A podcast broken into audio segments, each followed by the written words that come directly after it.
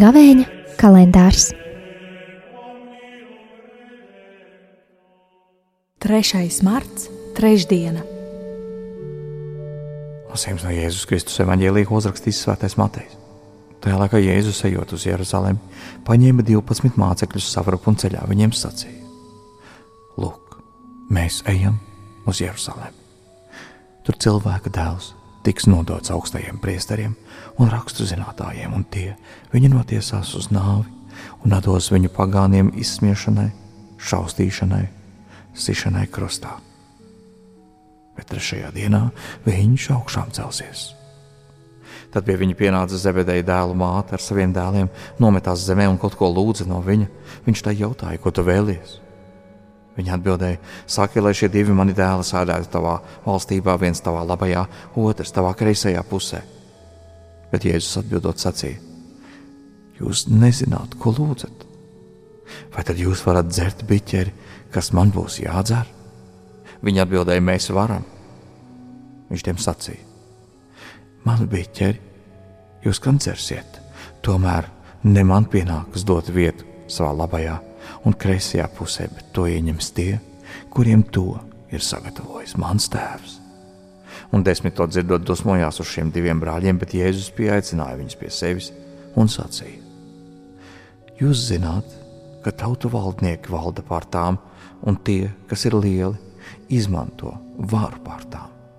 Starp jums tā nebūs. Bet, ja kāds starp jums gribētu kļūt liels, tas lai kļūst jūsu kalps. Un, ja kāds gribētu starp jums būt pirmais, lai ir jūsu vergs, tāpat arī cilvēka dēls nav nācis, lai viņam kalpotu, bet lai pats kalpotu un atdotu savu dzīvību daudzu atpirkšanai. Tie ir svētā evaņģēlīja vārdi.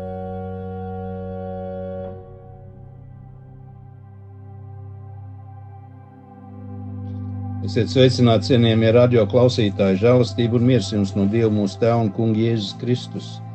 Šodien lasītajā Mateja evaņģēlīja 20. nodaļas fragmentā mēs varam garā pārcelties un savās domās uz laiku, kad cilvēki bija svētceļojumā uz Jeruzālēm.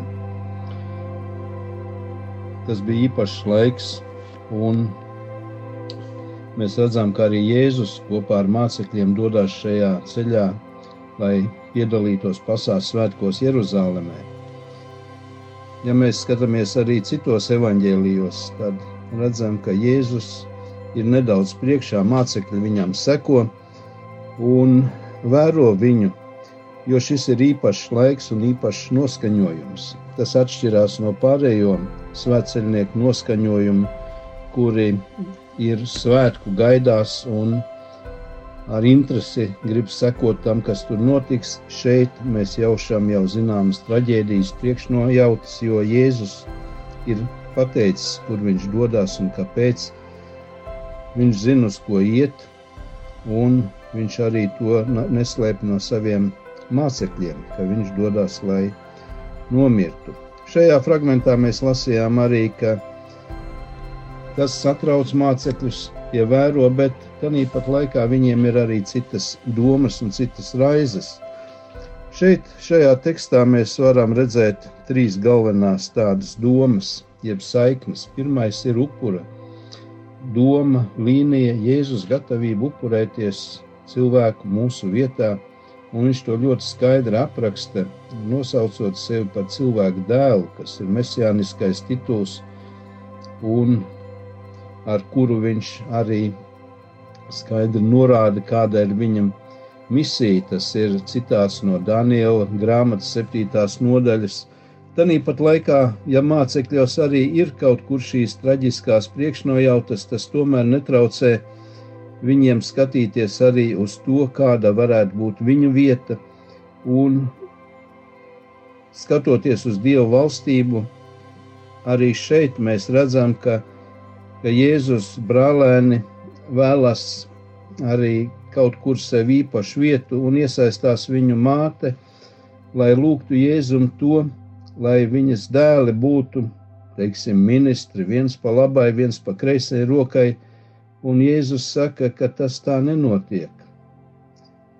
Kad viņa kauss, kā viņš simboliski saka, savu šo upuri, tas nav cilvēcīgais, bet viņiem būs savas rūpes un savs kauss, un tad, tad viņš dod piebildi par izcilības principu, kalpošana, sevis aizliekšana, lūkoties uz citiem. Caur šo prizmu tas rāda, ka lielums ir upurī, lielums ir gatavībā nodoties kalpot citu labā.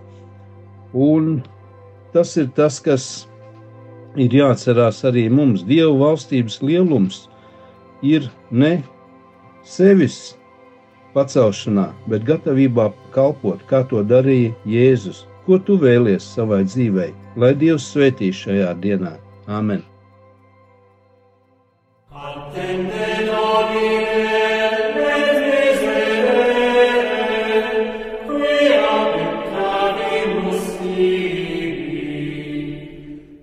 Gavēņa kalendārs